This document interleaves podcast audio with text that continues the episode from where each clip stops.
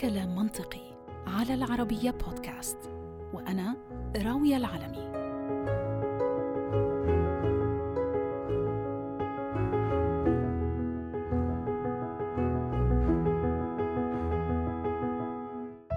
يقال أن القصة تشابكت في الولايات المتحدة عام 1970 لما أصدرت الحكومة الفيدرالية بهداك الوقت قانون المواد الخاضعة للرقابة بهدف الوقاية من تعاطي المخدرات ومكافحتها.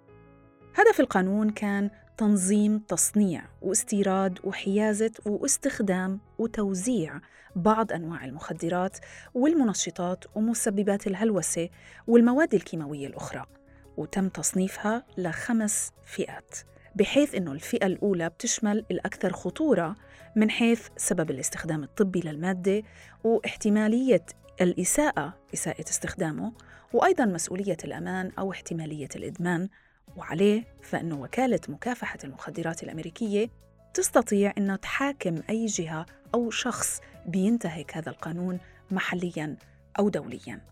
كذلك أيضا وجوب تسجيل اللي بطلبوا هاي المواد الخاضعة للرقابة وبتعاملوا معها وبيخزنوها وبيوزعوها إنه يتم تسجيلهم لدى الإدارة المعنية لأداء هذه الوظائف سواء كانوا مستشفيات أو باحثين أو جامعات إلى آخره. لكن الحقيقة أنه هذا الوضع القائم إلى الآن في عقده الخامس طبعاً كان بيختلف تماماً قبل عام 1970 ففي خمسينيات وستينيات القرن الماضي كانت الحكومة الأمريكية هي المستثمر الأكبر في البحوث الطبية للمخدرات خصوصاً ال LSD والسايلوسايبين اللي هو المكون الرئيسي لما يعرف بالفطر السحري أو الماجيك ماشروم طبعا هذا الوضع ظل قائم لغاية عام 2012 بحيث تم وللمرة الأولى إلغاء تجريم استخدام مادة القنب أو الماروانا.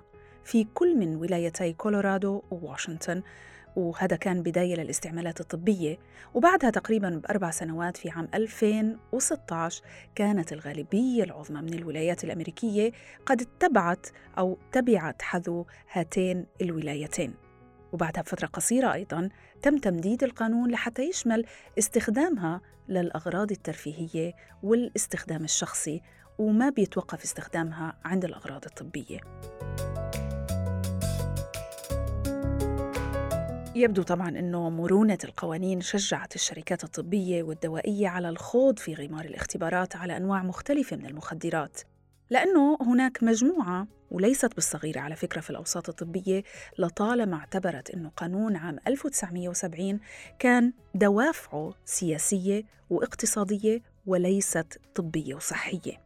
وطبعا ما أن سنحت لهم الفرصة حتى بدأوا السباق المحموم على فئة من المخدرات المسمى بالسايكاديليكس وبالتالي تابعوا هاي البحوث من حيث توقفت منذ أكثر من 60 عام مضى. هذا كله لإيمانهم بأنه هاي الفئة من المواد المخدرة إلها خواص علاجية لا محدودة بحسب زعمهم طبعاً للكثير من الأمراض وخصوصاً النفسية منها. وكذلك لأنها إذا ما حصلت على الموافقات الحكومية المطلوبة ممكن تصبح أشبه بمغارة علي بابا في إشارة طبعاً لربحيتها العالية المتوقعة.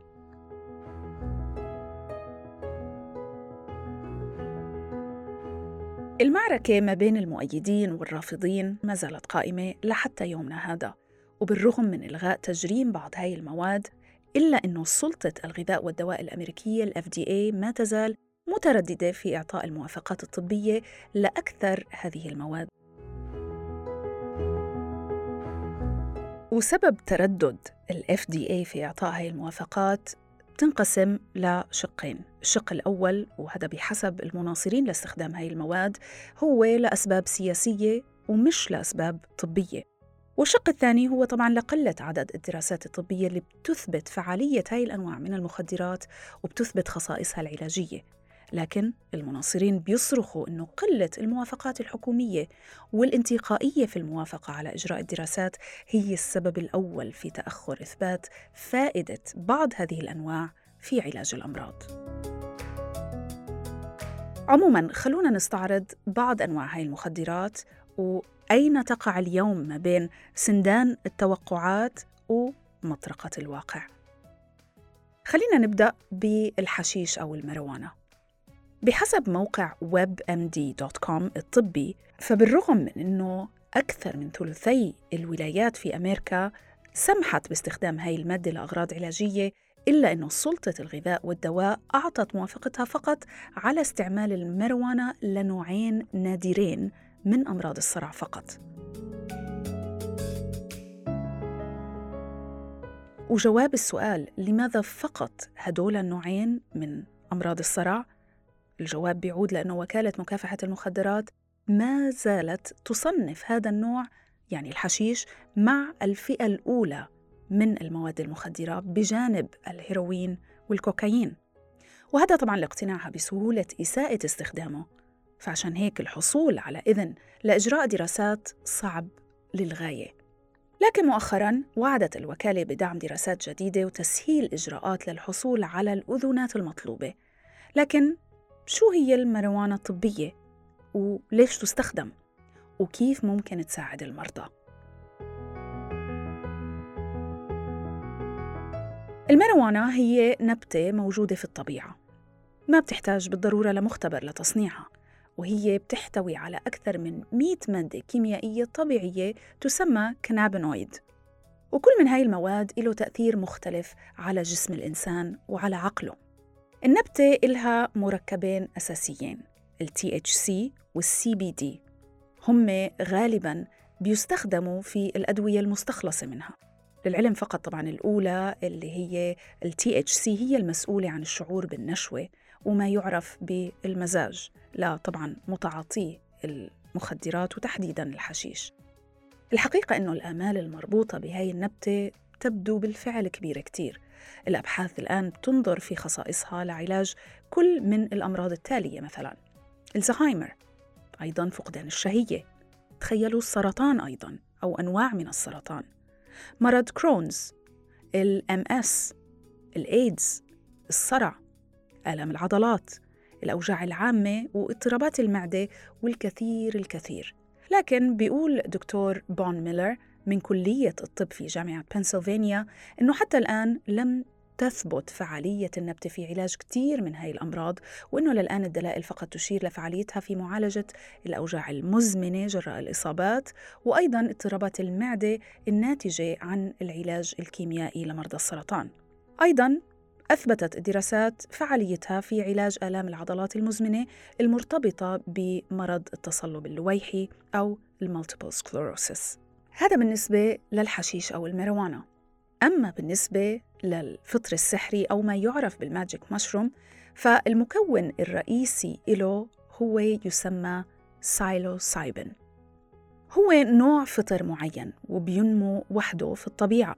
بدأت الجهود لإلغاء تجريمه قانونياً في الولايات المتحدة من عام 2010 بحسب موقع ويكيبيديا. وزي ما كانت كولورادو أول ولاية بتسمح باستخدام المريوانا كانت مدينتها دنفر هي الأولى في إلغاء تجريم ال magic mushroom في 2019 وتبعها كل من مدينتي أوكلاند وسانتا كروز في كاليفورنيا في 2019 و2020 ولكن ما هي قصة هذا الفطر؟ بالرغم من أنه أضعف بمئة مرة من ال LSD وهو مخدر كيميائي مصنع داخل مختبرات وبالرغم من أنه طبيعي المنشأ إلا أنه هذا الفطر قادر بالفعل على تعديل أو تغيير المنظور والشعور بالزمان والمكان للشخص اللي بيتعاطاه وأيضا بيشوش على الرؤية وبيدخل الشخص اللي بيتعاطاه في رحلة كثيرا ما توصف بالروحانية.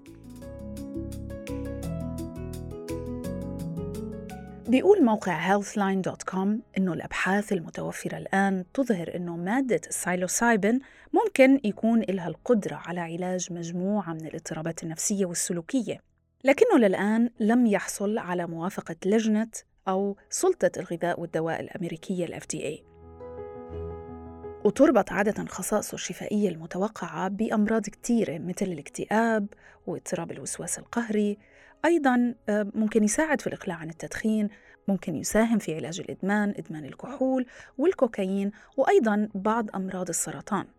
وكذلك الأمراض النفسية الناتجة عن الضغط العصبي لأصحاب الأمراض المزمنة أو القاتلة. يعني بعض الاضطرابات النفسية اللي بتصيب بعض الناس اللي بيعانوا من مرض السرطان مثلا أو أمراض أخرى مزمنة لا تقتلهم الآن ولكن ممكن بالفعل أنه يكون نهايتها الموت. بيقول الدكتور النفسي في مستشفى كاليفورنيا الحكومي مايكل ماجي إنه البرمجة الدماغية بتبدأ من منتصف لآخر الطفولة للتعامل مع ما يقرب من 90 ل 100 مليار خلية عصبية في القشرة الدماغية.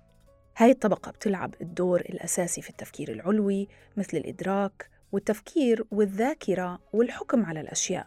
لكن ومع النمو فإحنا منركز استخدامنا على مجموعة معينة من الخلايا لأداء وظائف معينة وبنهمل كمية كبيرة من هاي الخلايا الأخرى.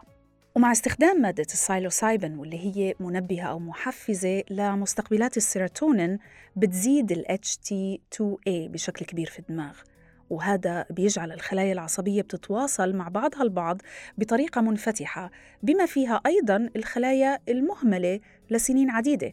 وبضيف وبقول إنه بيصبح هناك انخفاض في نشاط شبكة الوضع الاعتيادي للمخ ال DMN واللي بنعيش عليها عادة.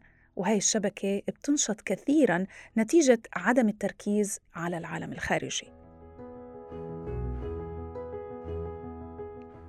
هذا بيعني بأنه لما بنستخدم هاي المواد مادة ال psilocybin آه، عادة اللي بيصير بأنه الموصلات العصبية أو الخلايا اللي بنستخدمها في حياتنا بقل التركيز عليها في الدماغ وبيتم التركيز على خلايا أخرى عادة ما بنستخدمها وبهيك بيتم تنشيطها وإعادة إحيائها وإحياء وظيفتها من جديد. بيوصف الدكتور ماجي هاي العملية بأنها بتعدل النظرة للحياة. فنتيجة طبعا لإعادة الاتصال بالخلايا النائمة بيتفتح ذهن الإنسان أكثر وبتصبح نظرته للحياة أقل سلبية أو أكثر إشراقاً وبضيف ممكن يشعر المريض بالنظرة الجديدة بعد فترة من جلسات العلاج. تخيلوا هون بأنه الدماغ مثلاً بيشبه قطعة البلاستيك اللي بيتم تسخينها أثناء العلاج ولكن هذا البلاستيك بياخد بعض الوقت ليبرد. وبهيك بيكون أخذ شكل جديد غير الشكل القديم وهو اللي بيأثر إيجاباً في نظرة المستخدم للحياة العامة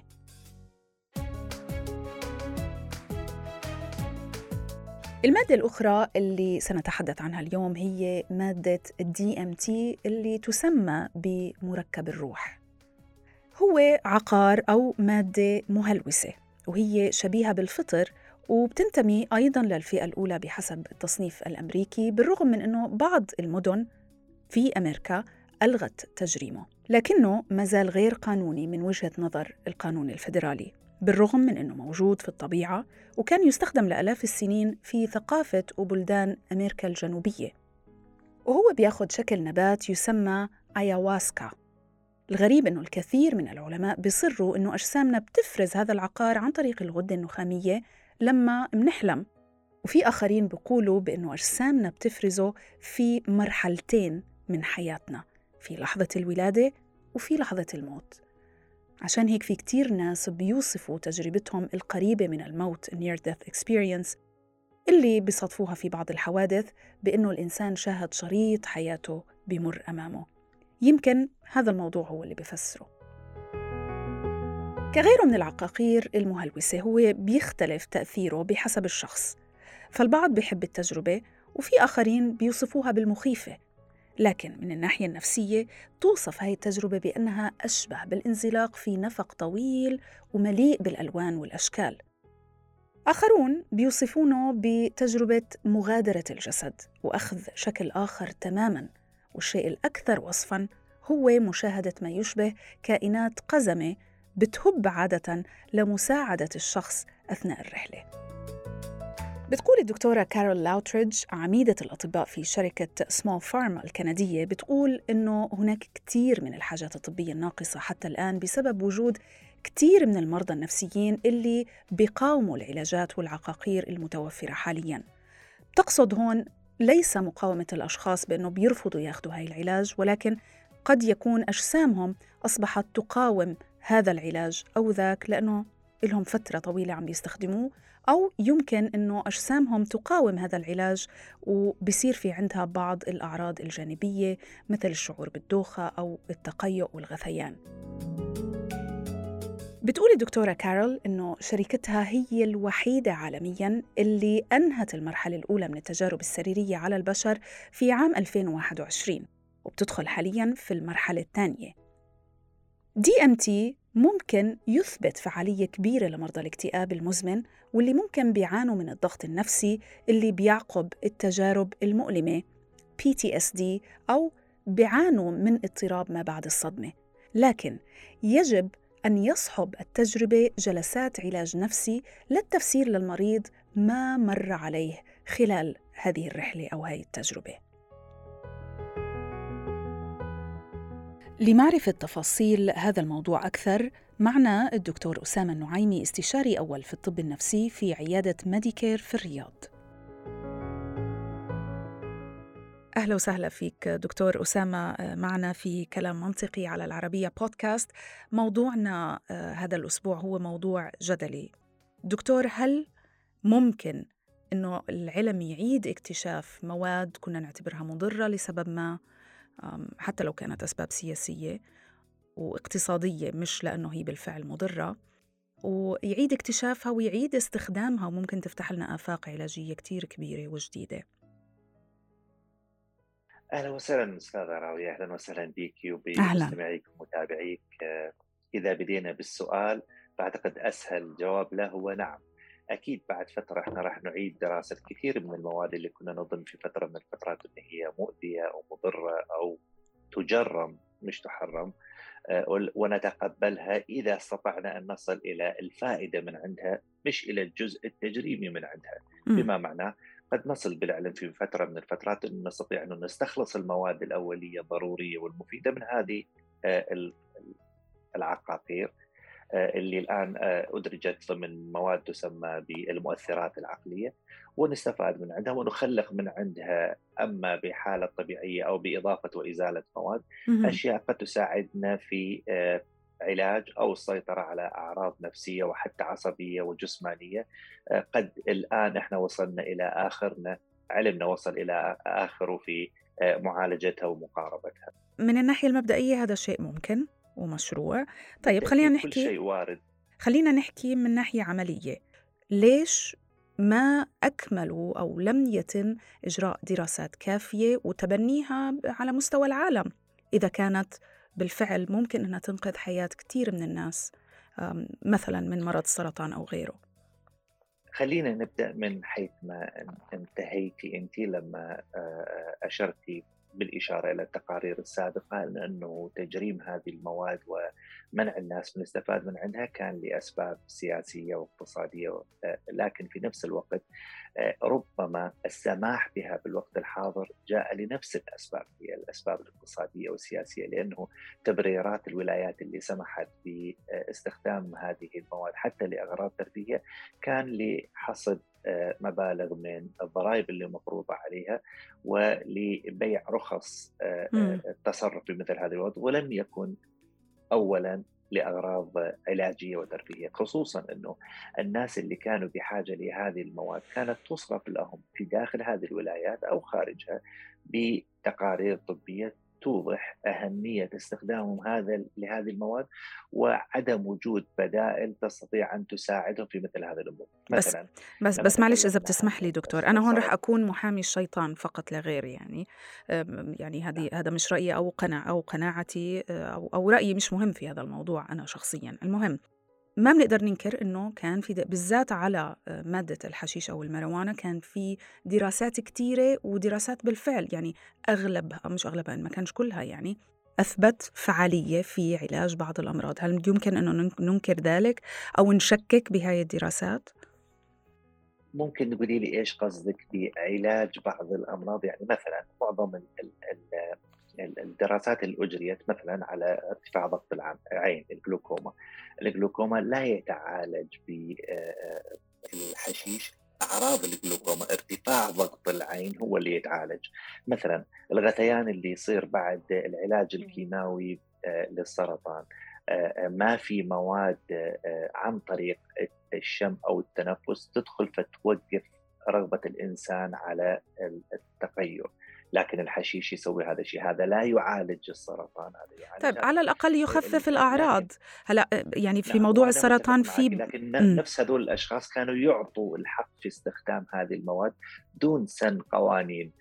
للإنصاف سن القوانين كان اولا إعطاء بعض الولايات فرصة لجني بعض الأرباح والسيطرة على الانفلات اللي صاير في استهلاك هذه المواد خارج المنظومة الصحية والأسباب الأخرى لأنه كان في ضغوط ضغوطات انتخابية كثيرة على هذه الولايات خصوصا لو تابعت التقارير الأحدث كان في في نفس الوقت ارتفاع كبير في الحالات الذهانية في صغار السن نتيجة توفر هذه المواد أمامهم وسهولة الحصول عليها طبعا الآن قليلين اللي يتكلموا عن هذا الشيء لأنه كل اللي إحنا بنتكلم عليه هو من عهد الرئيس أوباما مرورا بأواخر عهد الرئيس ترامب والآن آه، اللي بيحدث في الولايات المتحدة. لكن العلامات كلها تشير على أنه الاستخدام المفرط لمادة المروانة في سن مبكرة تأثيراته تدميرية على الدماغ. طبعا هذا ما ينفي الكلام اللي أنت قلتي إنه له استخدامات علاجية. طيب في يعني بالذات في موضوع الحشيش أو المروانة في نقطة تانية آه، يمكن إنه يعني تسهل عملية آه، استخدام أو الاستفادة منه في علاج بعض الأعراض أو بعض الأمراض.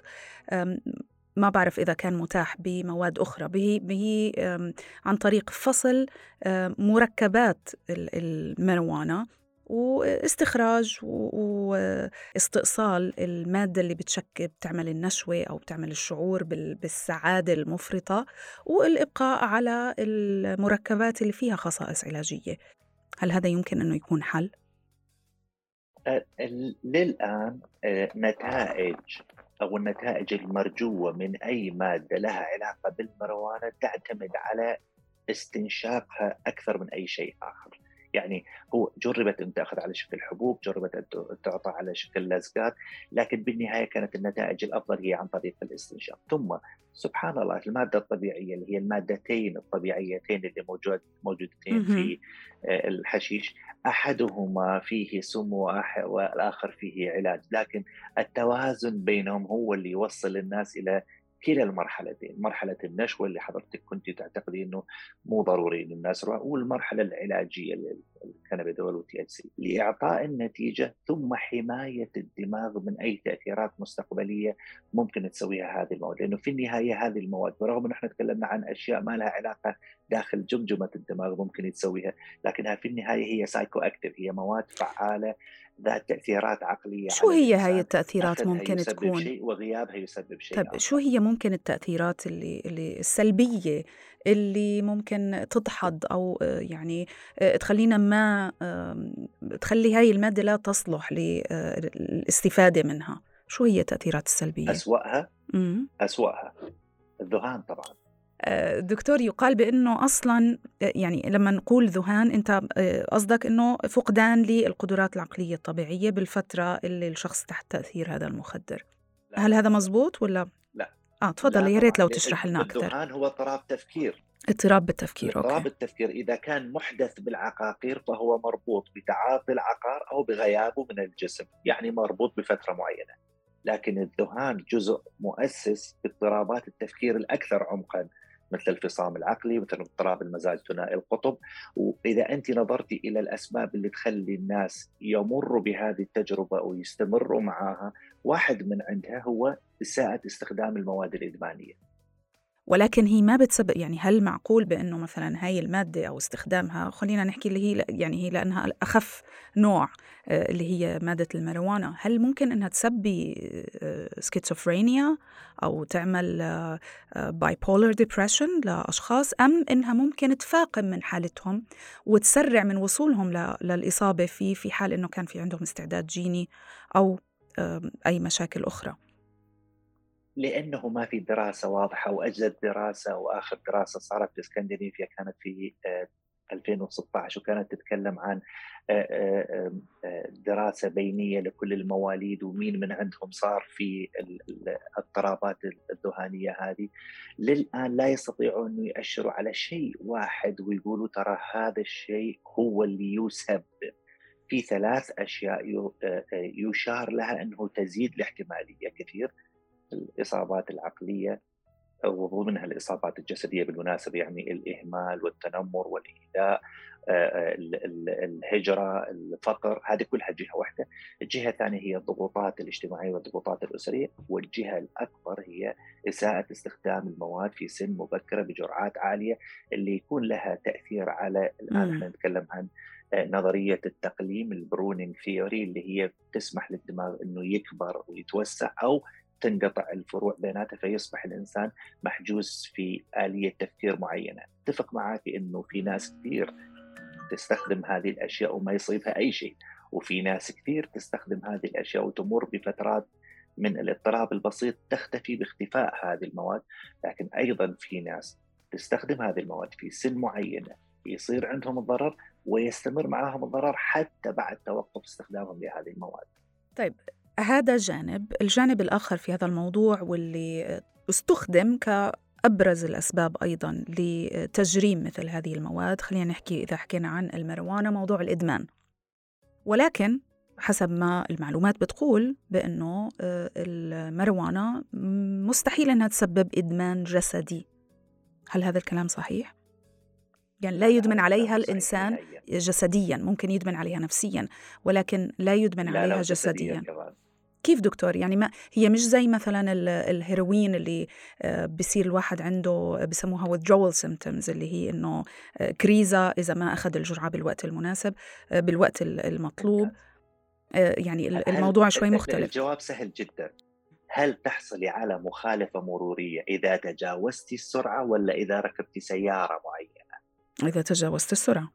ممتاز. لو كانت سيارتك سيارة عادية أو سيارة سرعة إذا تجاوزت السرعه فانت تاخذ المخالفة.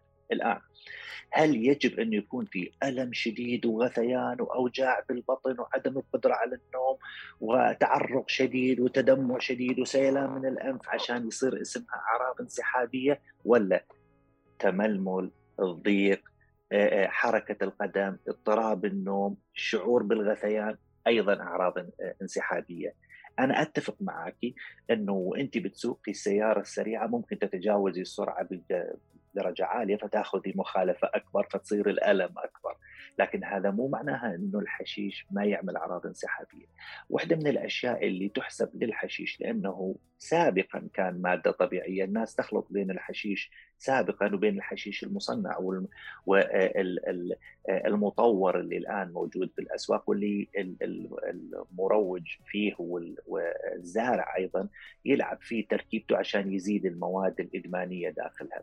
الاختلاف إنه هو لأنها مادة زيتية فهي تظل في الجسم فترة أطول فانسحابها أبطأ.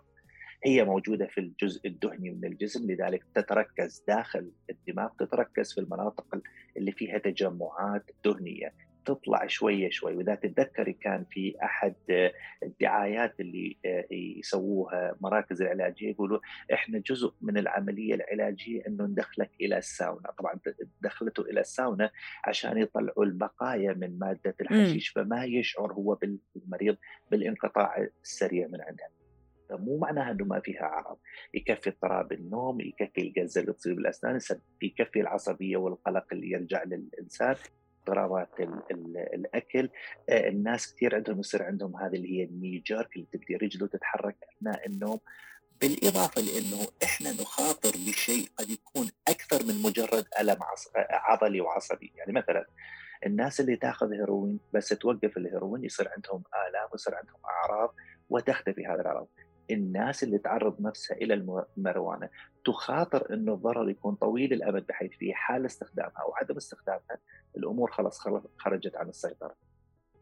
بس على كل حال اسم نبتتين تغير وجهة نظرك فيهم. لا هو مش وجهة نظري أنا بس عم بعكس أنا زي ما قلت عم بكون محامي الشيطان لأني عارفة إنه أنت من حزب المعارضة فيما يتعلق بهذا الموضوع. فعشان نعطي توازن وإنصاف لل لل, لل... هو نبتة كمان. التبغ نعم. هو نبات نعم. والكحول معمولة من من فاكهة في النهاية برضه والكوكا الكوكايين نبتة الكوكا ورقة. ويستخدموها لها استخدام في آه، آه، أمريكا الجنوبية لأنه في مرتفعات عالية فيحتاجوا إنه ياخذوها عشان التنفس عندهم يكون أقل والدوخة اللي تصير في المرتفعات تكون عندهم أقل ويكونوا نشيطين ويقدروا وكثير من المتسلقين الجبال يحتفظوا معاهم بأوراق الكوكا ياخذها بس عشان لما يرتفع آه، فوق الجبل لا يحس بالدوخان وبسبب نقص الأكسجين اللي يصير. هذا مو معناها إنه لأنها مادة طبيعية لازم نعطيها للناس. أو إنه ضررها قليل. أنا الحقيقة حلقتي ركزت على مواد مخدرة يعني أصلها طبيعي مش كيميائي يعني مثلا مادة الحشيشة والمروانة زي ما حكينا المادة اسمها psilocybin اللي هي موجودة في ال magic mushroom. الفطر السحري آه، إذا ترجمنا حرفيا يعني آه، اسمه هو فطر موجود في الجبال وبرضه الإنسان استخدمه في كتير من الثقافات منها في في الهند وفي أمريكا الجنوبية أو أمريكا اللاتينية لقرون من الزمن لأغراض متعددة. لو بلشنا نحكي عن موضوع ال magic mushroom برضو ال magic mushroom هاي يعني هي تحديدا الدراسات اللي انعملت وهي قليلة على فكرة وهذا سؤال آخر رح أسألك إياه. ولكن الدراسات اللي انعملت بتقول بأنه هاي المادة قادرة على خلق أو توصيل خلايا عصبية داخل الدماغ neurotransmitters بتشبكها في بعض فبتفتح آفاق جديدة آفاق فكرية جديدة داخل دماغ الإنسان ما كنا إحنا مستخدمينها هاي الموصلات العصبية قبل هيك. دراسات قليلة ولكن هذا ما أثبتته.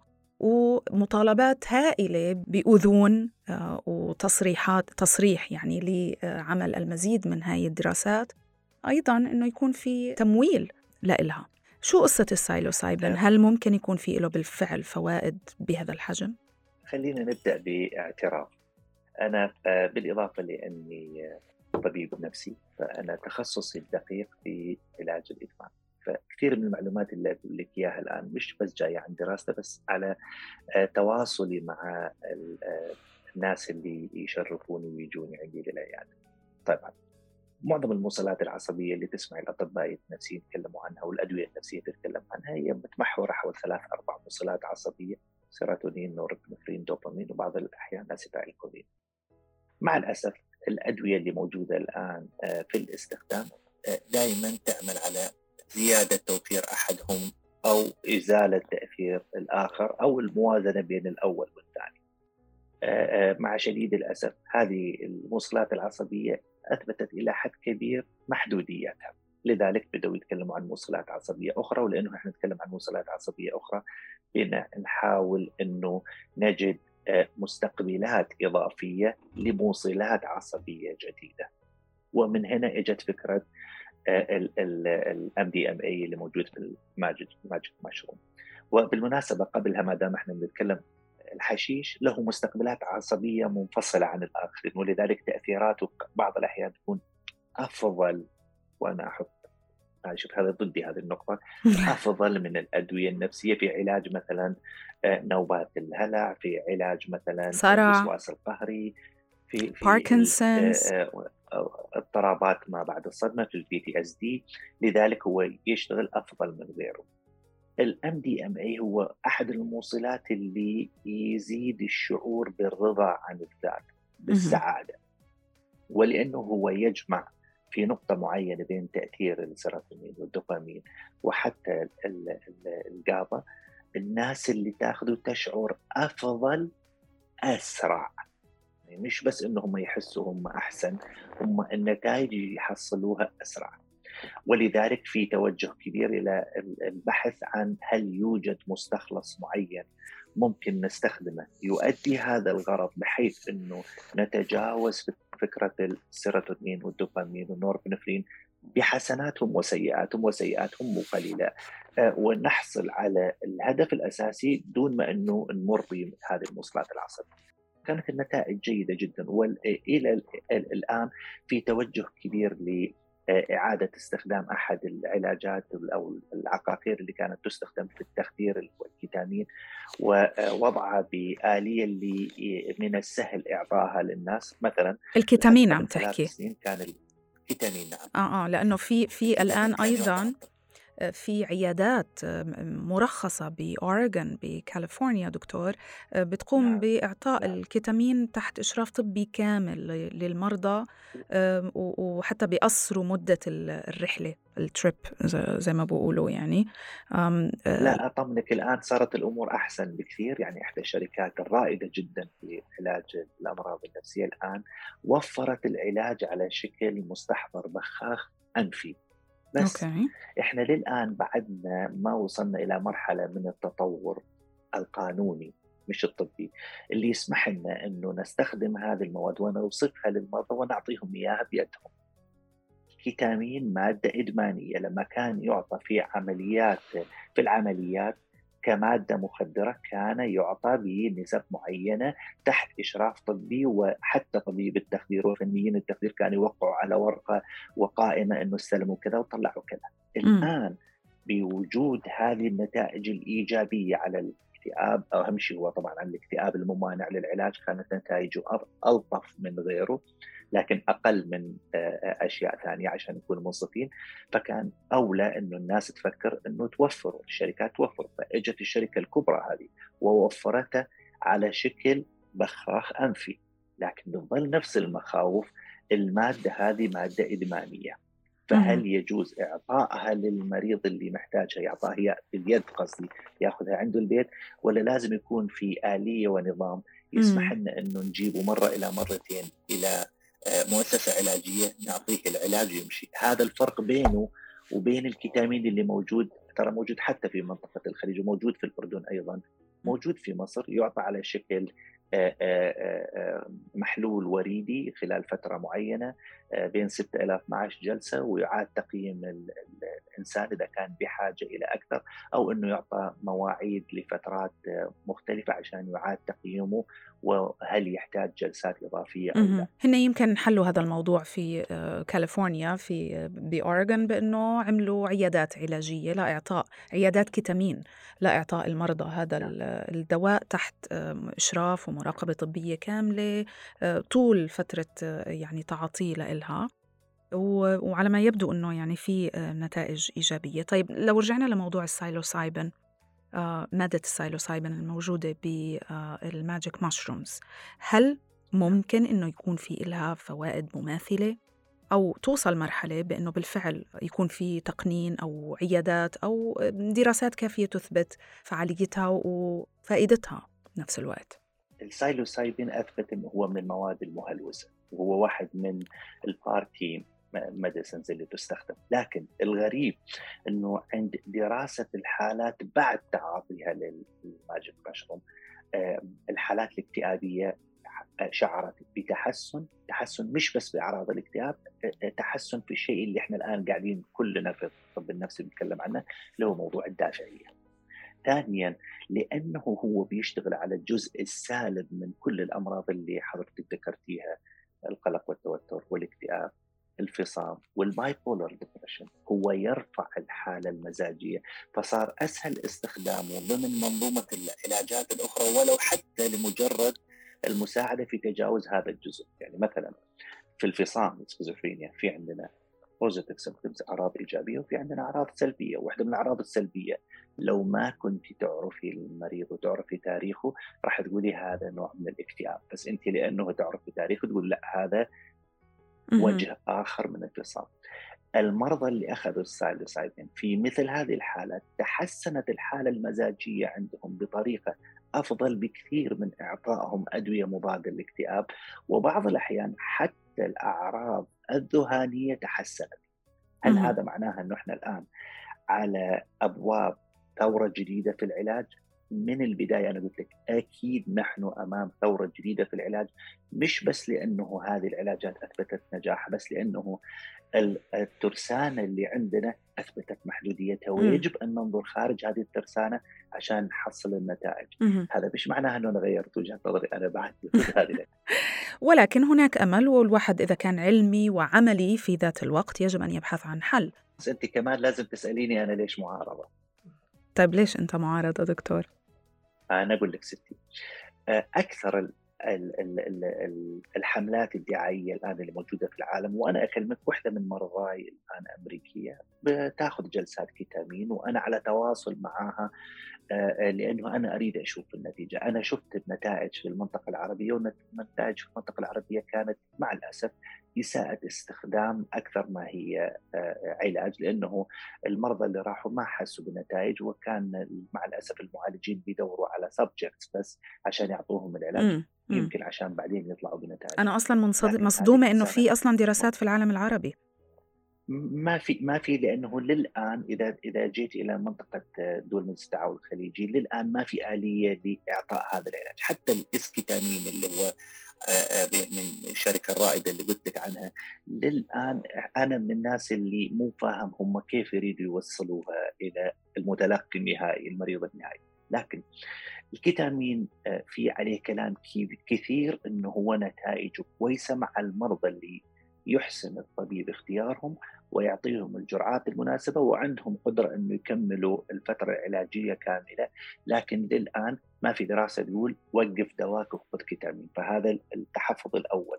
التحفظ الثاني إنه الناس اللي اشتغلت على الكيتامين من أوله الناس اللي آه، آه، أجرت الدراسات الأولى تراجعت بعض الشيء عن دعمها الشديد للكيتامين لما عرفت إنه إعطاء مضادات الأفيونيات الهيروين اللي معاها يبطل عملها. هناك أيضا مادة أخرى أنا حابة إنه نحكي عنها مادة ال DMT يقال بأنه هاي المادة دماغ الإنسان يفرزها مرتين مرة عند الولادة ومرة عند الوفاة. وعلشان هيك يعني هي مادة مهلوسة. ولكن أيضا يقال بأنه بعض الدراسات بتقول إنه فيها آه، فوائد جمة أيضا لدماغ الإنسان وهي نوع من أنواع الرحلة الروحانية. هل هناك أي يعني حقيقة لهذه المعلومات؟ ال DMT واحدة من المواد اللي يشار لها على إنه هي ال time آه، bomb هي القنبلة الموقوتة داخل الإنسان. داخل كل خلية في الإنسان فهو مش موجود بس في الولادة و في الوفاة هو موجود كل ما الخلايا تتطور وتكبر والإنسان يطول ويطلع له شعر. كل هذه الأشياء ال DMT يحدد متى تبدأ ومتى تنتهي. بالعكس واحدة من الدراسات الجميلة اللي صارت على ال DMT إنه هو أكثر دقة في تحديد الساعة البيولوجية من الساعة نفسها. لما قاسوا ال DMT آه، آه، صار أدق من ال 24 ساعة وهو اللي يحدد متى الإنسان يجب أن يخلد إلى النوم متى يستطيع أن يستيقظ نعم. وهذا يثبت إنه له تواصلات مع موصلات عصبية أخرى بحيث يدفع الإنسان مثلا الاكل في نقطة معينة من حياته عشان يطول أكثر أو يتوقف عن الأكل لأنه عضلاته يجب أن تبلى لكن المادة نفسها عند محاولة تخليقها اكتشفوا إنه فيها محاذير إنه آلية اعطائها تخلي آه، الدماغ أنشط من اللازم. لذلك يبدأ يهلوس أو يشوف آه، أشياء مو صحيحة أو يصل إلى أفكار مو حقيقية. آه، مع الأسف السوق الأكبر لمثل هذه المواد هي السوق الإدمانية لأنه في ناس تحب تجرب هذه الأشياء. وزي ما قلنا لازم في موصلات عصبية جديدة. إحنا نحاول إنه نستثيرها عشان نحصل نتائج مختلفة.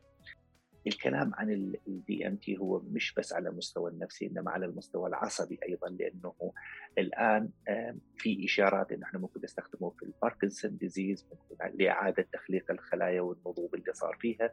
آه، استخدامه في آه، الخرف وال dementia لأنه الخلايا اللي آه، تلفت يحاولوا إنه ينشطوا آه، خلايا أخرى.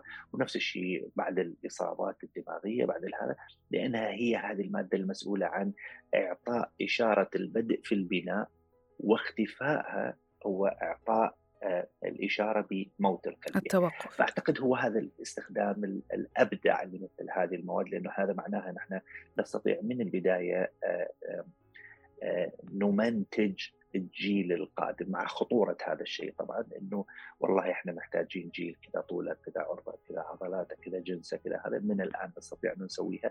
وكمان هو راح يعطينا كمادة طبيعية الانطباع متى يتوقع الإنسان إنه تبدأ حياته تدخل في مرحلة الشيخوخة. بس الإشكالية فيها هو إنه الممول الأكبر لمثل هذه الأشياء هي الأسواق المظلمة اللي بتحاول إنه تحصل على المتعة الآنية مش بس وتجني من وراءها أرباح. هل هذا معناها انه إحنا متأخرين عنهم؟ طبعا أكيد إحنا متأخرين عن كل هذول الأشخاص وأنا متأكد إنه في فترة من الفترات يعني آه، نضحك على أنفسنا إنه إحنا منعنا هذه الأشياء إنه تستخدم لأنه إحنا خايفين من أحد بالضبط.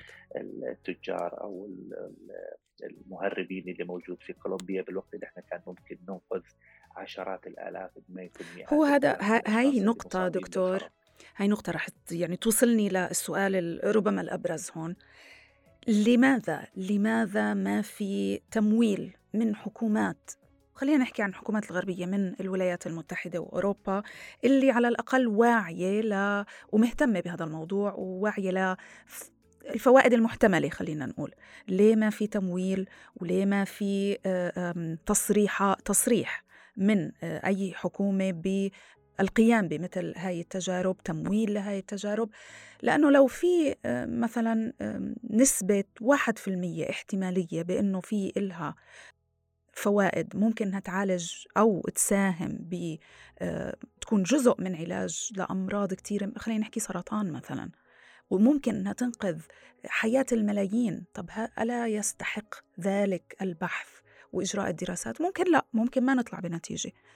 ألا يستحق هاي المجازفة؟ أنا أتحفظ على كلمة واعية لأنه لو كانت واعية ما كانوا استخدموا علاجات الملاريا للسيطرة على كوفيد 19 وأنت عارفة عن مين أنا قاعد أتكلم. فاهمة طبعا. آه، لكن خلينا نقول أنه البحث العلمي في هذه الدول محترم جدا وله تمويل أما تمويل من الدولة أو من الأفراد أو من الجمعيات. ولذلك يجب أن يكون في آه، آه، إشارة أكثر إلى فوائد هذه المواد ومحاولة استدراج الممولين قدر الإمكان أنه آه، آه، يساعدوا في دراستها على الأقل الوصول إلى نقطة هل هي مفيدة أو لا أو هل هي مفيدة جزئيا ومن اللي راح يستفيد من عندها. ربما على آه، على في نهاية المطاف وضع نقطة عشان نبدأ سطر جديد.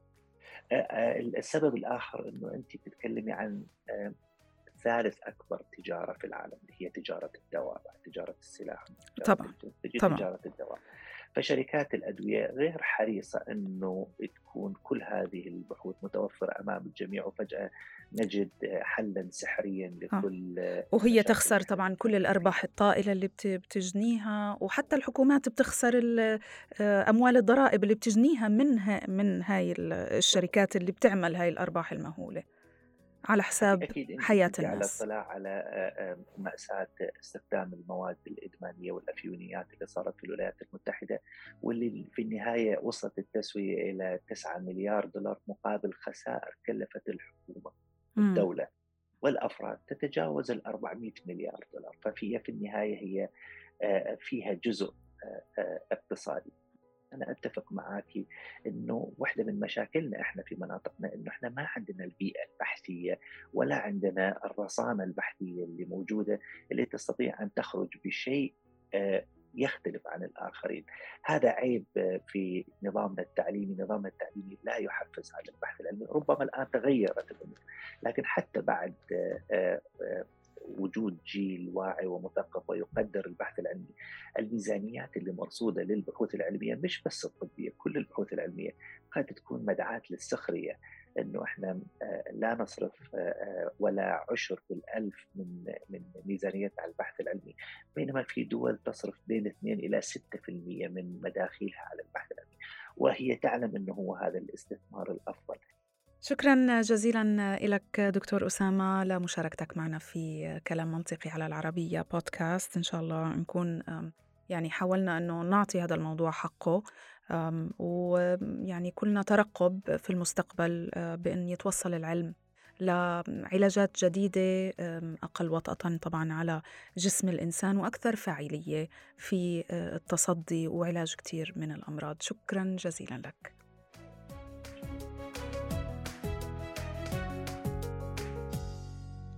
في ختام حلقتنا. هل فعلا هناك احتمالية انه تكون الأسباب السياسية والاقتصادية هي كانت بالفعل المحرك الرئيسي لوقف التجارب الطبية على الكثير من هاي المواد؟ ففي معرض بحثي قرأت مقال أنه هناك جزء يستخلص من مادة القنب الهندي على هيئة زيت أسهم بالفعل على ذمة الكاتبة طبعا في علاج زوجها من سرطان البروستاتا. ليس وحده بالطبع ولكن كجزء من العلاج. وأثار المقال الكثير من التفاعل بحيث قالت أنه استخدام هذا المستخلص عبر زراعة النبتة بالحقيقة ما بيتجاوز تكلفته أكثر من 2000 دولار أمريكي. بينما علاج مريض سرطان خلال ثلاث سنوات في المتوسط بكلف مئات الآلاف. وإنه اللوبي الطبي الأمريكي بصر على تشويه الفكرة لأنها بالفعل رح تسبب خسارة بالبلايين من الدولارات وأيضا بالوظائف اللي بتجلبها هاي الصناعة صناعة الأدوية لبعض الأمراض المعينة مثل السرطان حاليا فهل من المعقول أنه يموت ملايين الناس بسبب أمراض مختلفة لحتى تتمكن بضع شركات فقط مملوكة لحفنة من أرباب المال عالميا من جمع كل هاي الثروة الطائلة؟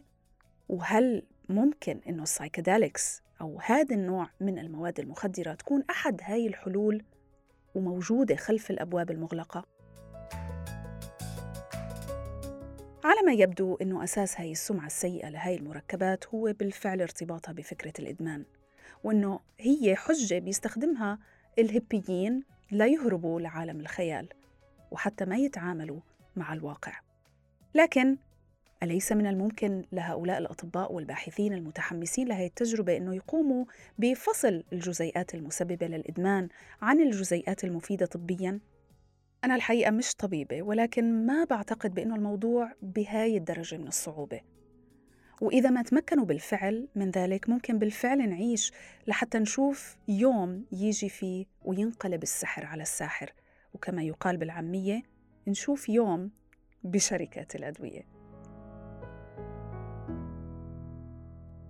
هذا كلام منطقي على العربية بودكاست وأنا راوية العلمي. أشكركم ودمتم دائما بأمان. بإذن الله.